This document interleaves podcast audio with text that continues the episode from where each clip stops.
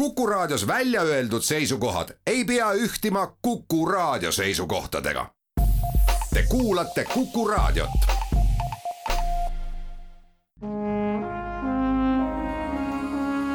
Vanemuise veerand tere kõigile kuulajatele, Vanemuise veerand alustab. täna on saates külas Vanemuise draamajuht Tiit Palu, tervist. tervist. mina olen saatejuht Tiia Rööp. Tiit on saates külas seetõttu, et esimesel aprillil toimub Vanemuise teatri suures majas esietendus. esietendub Pisuänd kaks. Vilde kirjutas oma Pisuänna valmis tuhande üheksasaja kolmeteistkümnendal aastal, sellest siis on sada kümme aastat. ta kirjutas oma loo nii, et sinna jäävad asjad õhku rippuma. ta ei lõpeta päris kõike ära, ta jätab võimaluse, et lugu läheb edasi. kas on mingeid vihjeid, et Vildel oligi plaanis veel kirjutada Westmani uulitsal toimuvast või on see lihtsalt ilukirjanduslik võte? võib-olla tõesti oli tal plaanis kirjutada ka teine osa. selle esimesega ta ajas äh, ka isiklikke asju selleaegses äh, Eesti äh, kirjanduse maailmas. aga võib-olla ta siis ei jõudnud, kuigi Vilde jõudis väga palju, et ta on ju ikkagi, ikkagi väga mitmekesise loomingu autor olnud kõigi nende aastakümnete jooksul, äärmiselt viljakas autor oli ta teatrile ta, ta kirjutas vähe, ainult äh, kolm näidendit ja, ja lisaks siis äh, Vigased pruudid, mille küll tema kirjutas äh, loona, aga mida siis hiljem on, on teatris mitu korda tehtud ja muidugi ka tema teisi lugusid on, on teatris dramatiseeritud. Vilde on pisuhennas väga kriitiline, kohati ikka salvavalt.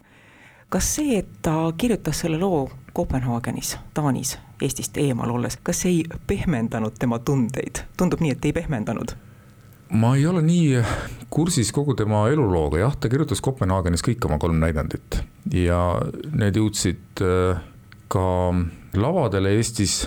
noh, mis asju ta täpselt ajas või, või kuidas või milline see tema, tema hingeseis oli, ma ei, ei oska sellele vastata, kuid äh, selle isikliku vimma juures, mis võib-olla tiivustas teda seda näidendit kirjutama, on olulisem vast see, et tal õnnestus luua selline ajatu olukord ja noh, äratuntavalt äh, meie sarnased äh, inimesed, kes tahavad elus olla edukad ja õnnelikud. Ükskõik mis vahendeid kasutades, see ongi seda pisuhända ju meieni aktuaalsena hoidnud pisuänd kaks, mis esietendub esimesel aprillil, on Eduard Vilde pisuännast äh, ajendatud või, või inspiratsiooni saanud Tiit Palu pisuhänd. on see õige määratlus? vastab tõele hmm,. kuidas nüüd äh, öeldagi, ma täpselt ei tea, kui palju pisuhända on mängitud professionaalses teatris kümneid kordi, aga äh, erinevatel lavadel ja, ja asjaarmastajate teatris ma arvan, et et on tehtud sadu äh, lavastusi ja alati siis eesriie sulgub, juhul kui see eesriie on olemas, aga, aga etendus lõpeb äh, teatud momendil, kui äh, jäetakse nagu üles võimalus, et, et kui edaspidi peaks vaja minema veel abi, siis Tiit tuleb ja aitab, juhul kui tal midagi olemas on.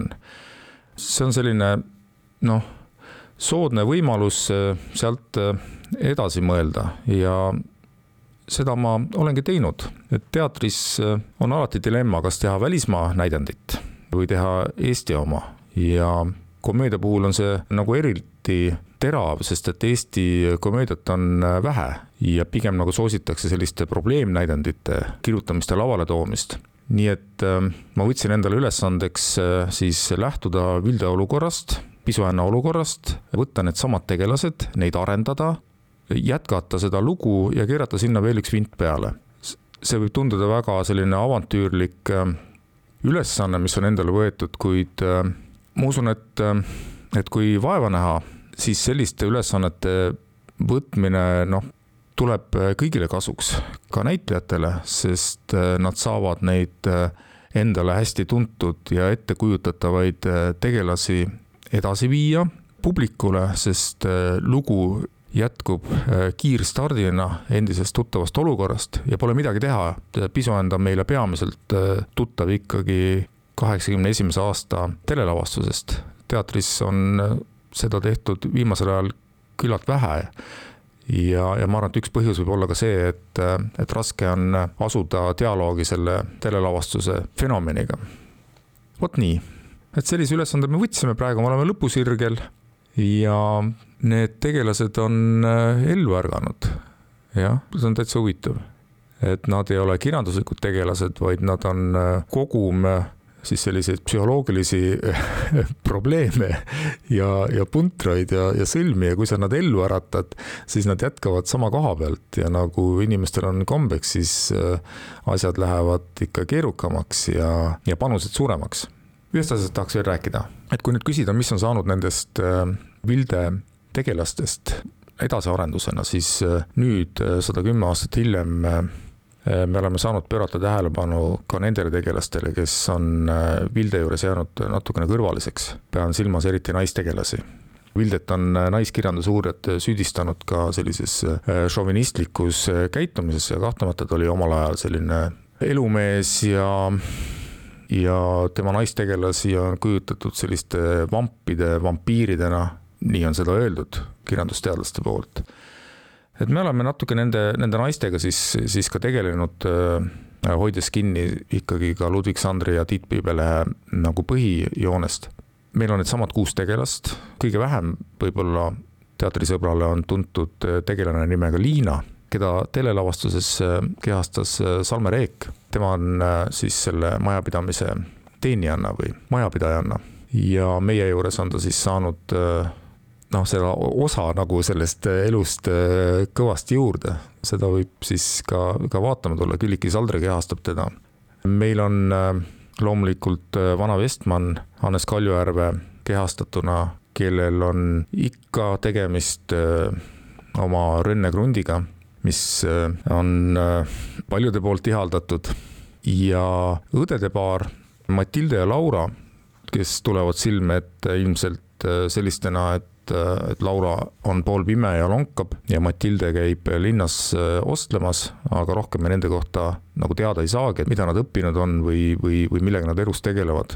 me oleme neile andnud sellist sotsiaalset elu võrreldes Vildega ikka kõvasti juurde ja kui meil selles loos on kuus tegelast, nii nagu Vildelgi, siis äh, ma julgen öelda, et selles Pisuand kahes on neil kõigil peaaegu võrdsed osad.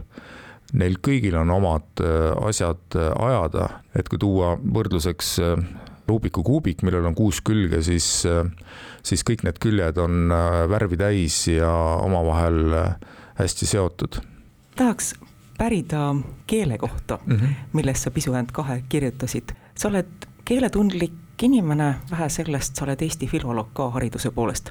Vilde kirjutas oma pisuhänna selles keeles, mida kasutati tuhat üheksasada kolmteist, lisades sinna juurde ka Tartu, Võro murdesekakeelt ja kas ta ka mitte ei öelnud, et kui näiteks Põhja-Eestis inimestele jääb see võõraks, siis kasutagu oma murdesõnu. millises keeles sina kirjutasid pisuhänna? vastab tõele, et äh et minnes nüüd pisuanna juurest pisuand kahe juurde, siis äh, väga oluliseks äh, läbivaks jooneks oli Vilde stiil ja, ja Vilde keel. sellest pisuannast on tulnud väga palju äh, väljendeid kõnekeelde, kui sa seda loed, siis igalt leheküljelt paar väljendit. kuid see keel ka tema kasutuses oli juba natukene tõstetud, kui lugeda selleaegseid teisi näidendeid või, või, või kirjandust, siis, siis see keel on sarnasem sellisele tavakeelele, aga Vilde Pisuäänas on sellist nagu lustlikkust ja riukalikkust ka eesmärgipäraselt äh, keeles. et see nüüd oli siis selline ülesanne Pisuäänd kahe autorile seda stiili jätkata. ja seda me tegimegi, et ta on ikkagi vildelik äh, kujundite mõttes, me oleme kasutanud muidugi ka pisuannale viiteid äh, ja sellele keelele viiteid ja ütleks, et ka see näidend ise on siis sellises äh, tolleaegse teatri äh, stiilis ja, ja, ja Vilde stiilis. ma loodan, et see on äratuntav kõigile Vilde asjatundjatele, keda saalis pole vähe, sest pisuhänd ju ongi Vilde, aga pisuhända teavad kõik sa nimetasid ennem ära Ago Hendrik Järge tehtud telelavastuse, mida oleneb muidugi raadiokuulaja vanusest, mõned meist on väga mitu korda seda lavastust näinud. kui sa kirjutasid Pisuend kahte, näiteks Vestmani ähm, osa, sa mõtlesid niikuinii Hannes Kaljujärve peale, kui sa seda kirjutasid. kas alateadvuses rääkis ka Arne Üksküla hääl Vestmanina sinu jaoks? tõepoolest, äh, oma koduteatris äh, näidendit kirjutades on äh, see eelis, et äh, sa saad mõelda kindlatele inimestele. Hannes ise tsiteerib Aarne Ükskülat seal ja see tsiteerimise õigus on noh, kõigil näitajatel loomulikult, sest et rollid on ju nende looming. jah, selline nagu ristviitamine toimub, aga ta siiski on iseseisev lugu ja, ja, ja need inimesed, ütleme siis nii, et need Vilde tegelased, nad on niivõrd jah, riukalikud, nad on niivõrd elu täis, et nad seisavad ise hästi püsti et nendesse saab, saab sisse pugeda, ei ole vaja seda, seda teist või, või eelmiste rollitäitjate tuge tingimata enamus minu pärimisi on selliseid, millele oleks sinul täitsa aus ja õige vastata, et tule teatrisse ja vaata, mis sa pärid. ühe küsimuse esitan küll veel, kes mängivad? Hakkame otsast pihta, vana Vestman on Hannes Kaljujärv, Liina, saladuslik tegelane, kes nüüd on meie loos palju olulisemas positsioonis on äh, Külliki Saldre, õed, vanemõde Matilde on Kärt Tammjärv, noorem õde Laura on äh, Maarja Johanna Mägi ja siis kälimehed, kirjanikud, Ludvig Sander on meil Karol Kuntsel ja Tiit Piibeleht, noornäitleja Ken Rüütel ja kõik nad on nendesse rollidesse valitud ja kõik need rollid on nende näitlejate jaoks kirjutatud, nii et et kui me valame kõik need osad kuhugile katseklaasi kokku, siis võiks ju midagi sündida. aitäh, Vanemuise draamajuht Tiit Palu stuudiosse külla tulemast, aitäh selle jutuajamise eest!